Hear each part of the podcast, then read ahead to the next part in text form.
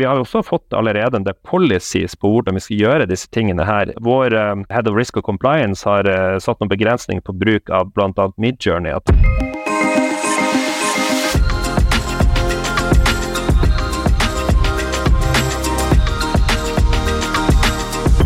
Hei sann, og hjertelig velkommen tilbake igjen til Oppdatert AI, Norges største og mest nedlastede AI-podkast.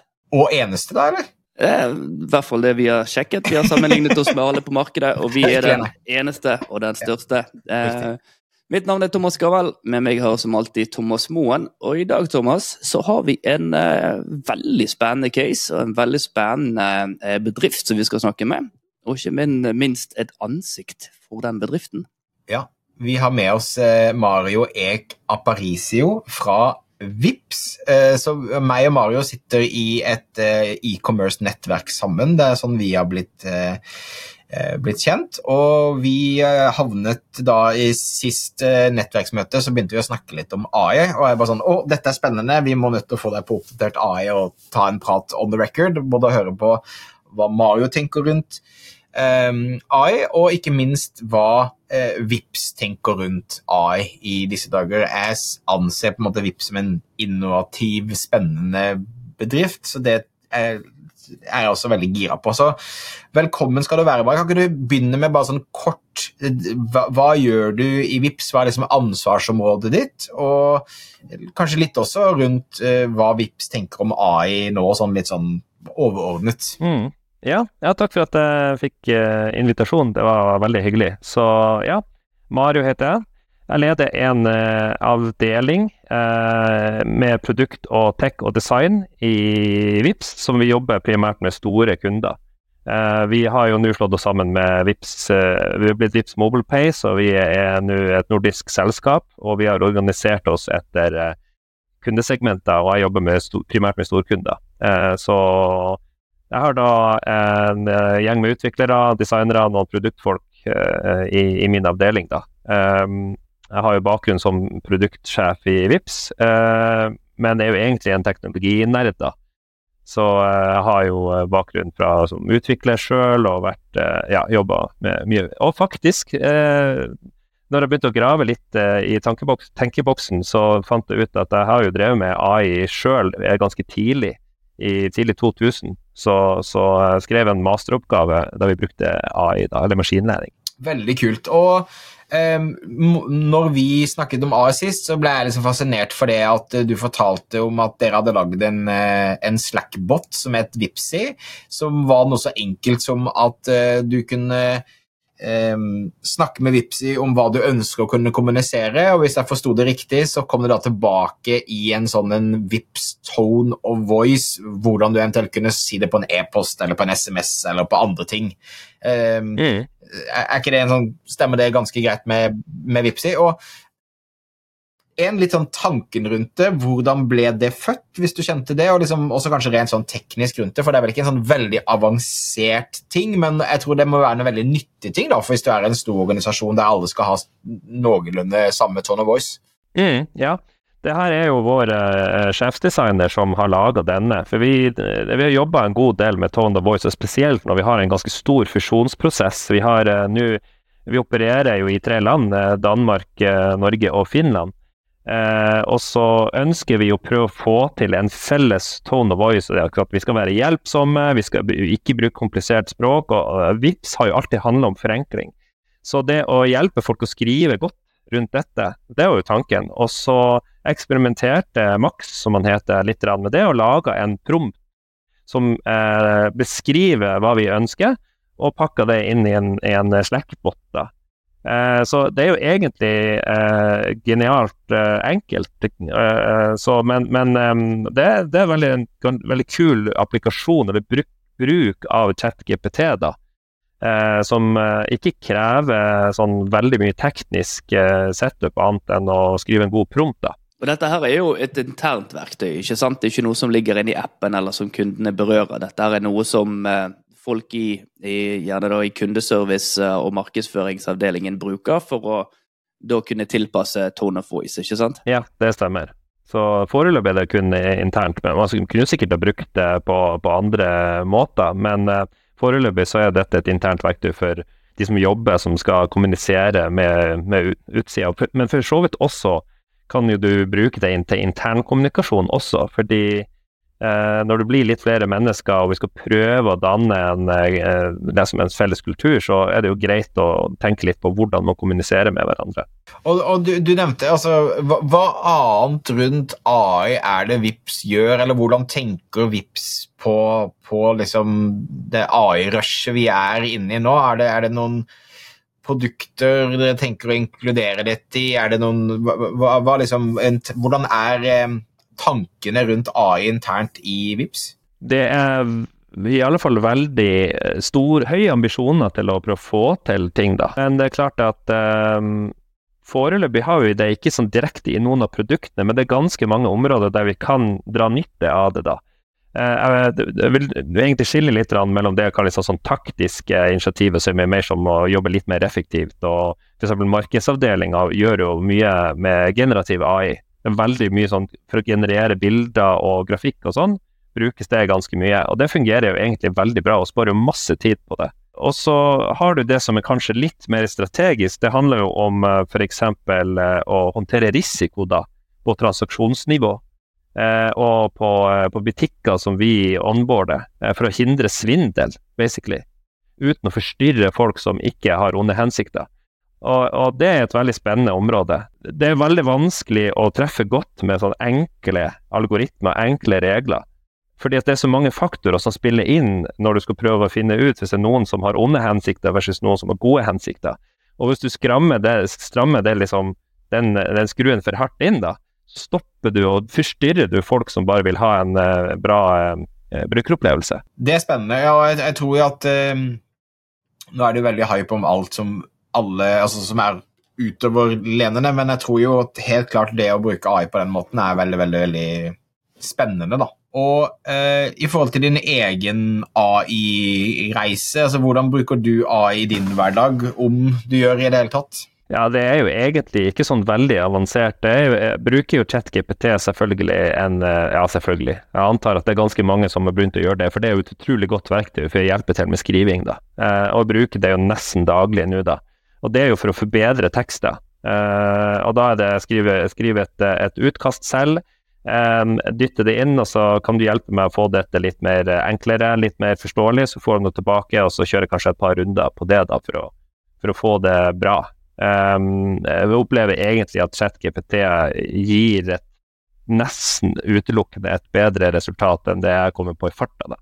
Så det syns jeg er veldig nyttig å være som tidsbesparende i hvert fall hvis du skal skrive La oss si jeg skal skrive en bio eh, til et eller annet, eller skal liksom skrive en abstract til et foredrag, eller noe som skal helst være ganske bra og ikke så uformelt, da. Eller skal skrive en liten lite, en, en, beskjed til, til noen kunder eh, som skal være informativ og god, og ikke så, og ikke så uformell, da. Så syns jeg det er veldig bra. Og så har jeg vært så heldig at jeg fikk bruke litt tid på starten av sommeren på generativ AI også, da, med, med, med Midjourney, og generert litt uh, bilder til slides og sånne ting, da. Og det var jo litt sånn uh, Litt fordi at jeg hadde en egeninteresse i å lære meg litt verktøy og bli litt, uh, litt under overflata. Um, men også for at jeg hadde et konkret foredrag jeg skulle holde i forbindelse med et kundearrangement. Så tenkte jeg bare ok, nå skal jeg prøve å generere en del eh, bilder eh, for å se hvordan det blir. Og det, det, det blir jo helt sjukt bra. Så det er jo, det er, det er litt scary, egentlig. ja, ja, hva, hva, eh, apropos scary, hva, hva, tenker du om hvis man ser liksom fem år fram i tid, mange er redd for at alle jobbene vil forsvinne, og at, at liksom verden går, eh, går, fra hverandre. Hva er dine, dine personlige tanker rundt liksom AI-utviklingen og fremtiden til samfunnet vårt, da, for å stille et litt stort spørsmål? Jeg er egentlig ikke så kjempebekymra for uh, arbeidsmarkedet. Jeg er heller mer uh, eh, bekymra for hvordan man kunne ha en faktabasert dialog i det offentlige rom, når det er umulig å vite hva som er, hva som er fake og hva som er sannheter. Eh, og det, det, er en av de tingene som jeg syns er skumlest med deepfakes og også da, disse tingene her, da. Som eh, ja, altså Du ser jo også det at politisk sett så er det jo det er mindre faktaorientert eh, dialog i det offentlige. Og så Hvis du på en måte kan uh, få overbevist folk at noe er sant med en deepfake, så blir det sant, på en måte. Uavhengig av For at folk eh, agerer og, og, argumenterer for det de tror på, ikke nødvendigvis var det som er harde fakta. Eh, og da har du jo en problemstilling rundt demokratiet og egentlig hele den. Så det syns jeg er litt scary. Og så selvfølgelig, det vil jo være en del jobber som har som blir kan du si, automatisert bort. Men det har jo alltid skjedd. Det har jo bare skjedd at det, alt fra med gikk fra hest og vogn til bil osv. Så, så, videre, så, så det, en, det, har vi vært vant til. Um, at den utviklinga har skjedd. Men det har bare samfunnet omstilt seg, og man har fått andre typer yrker. Um, så, så det Ja, jeg vet ikke helt. Men, men eh, jeg er enig i at jeg syns det, det spesielt dette med hva er sant, og hvilke kilder kan man stole på, og spesielt i liksom, sosiale medier der alle har en stemme osv. Hvordan tror du, Hva er en god måte å håndtere det på, eller tenke rundt det fremover, da, når det kommer til å bare komme millioner av fake sider og profiler og avatarer i det hele tatt? Hvordan ville du angrepet en sånn problemstilling? Ja, nei, du kan jo sikkert uh, fight fire with fire og bruke AI for å prøve å uh, verifisere og autentisere at ting er sant og ikke fake. da. Fordi det blir jo vanskelig, vanskelig for det menneskelige øyet, men det kan jo også være Sånn som vi gjør i, i, når vi driver og flytter penger og, og, håndterer betaling, og prøver å oppdage om noen har en faka profil eller utgir seg for å være noen andre enn det egentlig er. da. Så det kan jo være én mulighet å bruke AI for å på en måte motvirke dette. da. Fordi at når du ikke, Det er så mange faktorer du må ta hensyn til for å verifisere identitet, da. så vil det vel antageligvis være en, et kappløp da, Uh, og det, det, ser vi jo allerede rundt uh, svindel, så er det jo et kappløp der uh, du har de som ønsker å sikre mot svindel, og de som ønsker å svindle, hele tida utvikler seg. da. Sånn at verktøyene for å hindre det utvikler seg, men så utvikler metodene til svindlerne seg også. da. Jeg syns det er veldig spennende akkurat det eh, greiene der. For det er særlig da sånn som dere som er selskap som Vips da, så, så, er det så lett å falle inn i den eh, trenden med AI at vi må ha et eller annet med AI inn i appen. Og markedsføringsmessig så kunne det vært at f.eks. gavepapirene deres er AI-generert. ikke sant? At man kan få liksom hva man ønsker på gavepapir når man sender en gave, og nå i juletider. Um, og man kunne hevet inn en chatbot og man kunne gjort alt mulig rart inni der. da men det å skille mellom det som er markedsføringsmessig og kanskje en gimmick, med det som faktisk kan gjøre noe, og, og kjempe da f.eks. svindel, eller passe på at eh, den meldingen man får på SMS, at den er korrekt, og ikke man klikker på hva som helst, holdt jeg på å si. Opplæring og den type ting. Jeg tror det er, er veldig mye viktigere i et selskap som dere, dere har jo eh, konkurrent i, i, Klarna på mange måter som har lansert noe AI-greier. Eh, med å Vision og sånn, få tatt bilder av, av, produkter og så få tilbake sånn at du enkelt kan kjøpe inn i appen. Har dere noen sånne tanker fremover, eller er det stille og rolig og se hva som skjer? Nei, vi ser jo på alt mulige slags uh, måter der vi kan bruke um, eh, Hva skal jeg si vi har jo veldig mange brukere i appen, og vi har veldig mange bedrifter. Og i den, i den posisjonen der ønsker vi jo å uh, lage nye tjenester. Vi lanserer jo nå noe rundt lojalitet og, og, det å kunne få kundeklubbfordeler i VIPS i stedet for å, uh, å uh, ha det på e-post og SMS. da. Så det er jo i den, den, det skjæringspunktet der, da. Eh, og Det er jo akkurat det også Klarna prøver å gjøre. Men, men eh, vi, vi, ser hva som skjer, og så er det jo ikke sikkert at vi skal gjøre akkurat det samme som Klarna eh, alltid. Vi ser han. Eh, jeg syns jo det er litt sånn spennende hva det Klarna prøver å gjøre der, da. Eh, men eh, om folk kommer til å shoppe på den måten eller ikke, det, jo, det gjenstår jo å se. Så det er jo en slags bet på at sånn kommer handelen til å skje. Jeg vet ikke akkurat Det, det kan hende jeg tar feil, men jeg, jeg, tror heller det er mer handel i sosiale medier vil være mer aktuelt da. Da trenger du strengt tatt ikke så mye AI, du trenger gode verktøy for å kunne gjøre en TikTok-video om til en flate der du kan faktisk handle produkter. Eh, du trenger ikke nødvendigvis så masse AI for det. da. Det er i hvert fall en trend vi ser, at mer og mer handel skjer med sosiale medier som eh, flatene eller kanalene. da. Uh, og der, der, ønsker vi selvfølgelig å være med Om det er AI og video eller bildegjenkjenning eller ikke, det jeg ser jeg bare på som et verktøy, da, men ikke kjernen i det du egentlig prøver å få til. da. Switche gir litt. Du har vært utvikler selv, du leder et team med utviklere. Hvordan bruker de Bruker de typ GitHub og Copilot og den type ting når de utvikler? Vet du, vet du hva de tenker og bruker av verktøy? Ja, det er noen som har begynt å ta i bruk eh, Copilot, men jeg vet ikke hvor utstrakt det er foreløpig. Eh, så noen, noen vet jeg har eh, tatt det i bruk. Og Det syns jeg også er veldig spennende. da. Jeg vet jo at det er en god del utviklere som tester bare ChatGPT, bare for å se hvor bra .nett-kode kan ChatGPT skrive. Det var noen som var ganske imponerte over hvor bra kode du fikk da. Og så er det jo ofte sånn at um, det er ikke alt du kan bare klippe og lime rett inn, men det gir deg god inspirasjon til hvordan du kan løse et konkret problem på en god måte. da. Eh, og så må du, du må tilpasse det inn i programmet du skriver og, og justere litt, men det, det, er mye verdi i å få en, en mal eller et eksempel på hvordan du kan løse et uh, vanskelig på en måte, teknisk problem. Da. Det ser jeg på en av de uh, største uh, tingene som vi har i hverdagen. Da. Bare det å komme opp med sånn Excel-spreadsheet-formel, bare for å løse det mye fortere, eventuelt uh, i Airtable. Eller et par sånne CSS- og websideting, hvis du skulle finne på å hive inn en nedtellerfunksjon inn i en Shopify-løsning. Enkelt å bare skrive inn og klippe og lime litt. Og så er det som du sier, det blir ikke 100 hver gang, men du kommer i hvert fall et godt stykke i riktig retning. da. Så, så, det føler jeg er utrolig bra.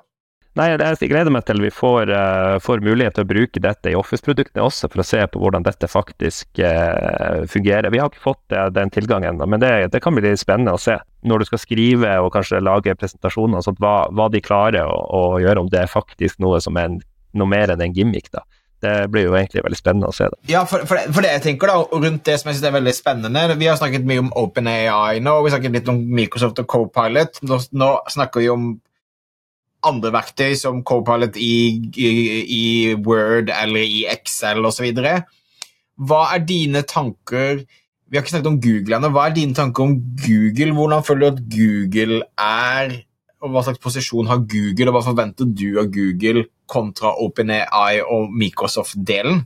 Eh, de begynte jo tidligere enn OpenAI og Microsoft, men de har jo da ligget litt bak i og med at alle ble overrasket over denne ChatGTP-lanseringen. Men har du noen tanker rundt, eh, rundt Google som, som, plattform og AI-verktøy og, og sånn, som privatperson eller i VIP-sammenheng?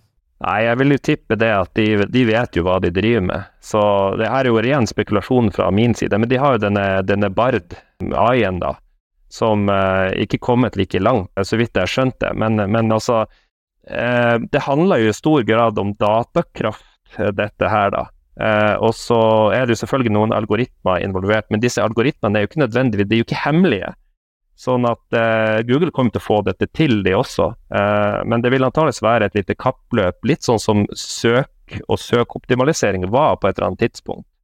Der Google gikk seirende ut, for de lå bare rett og slett foran de andre.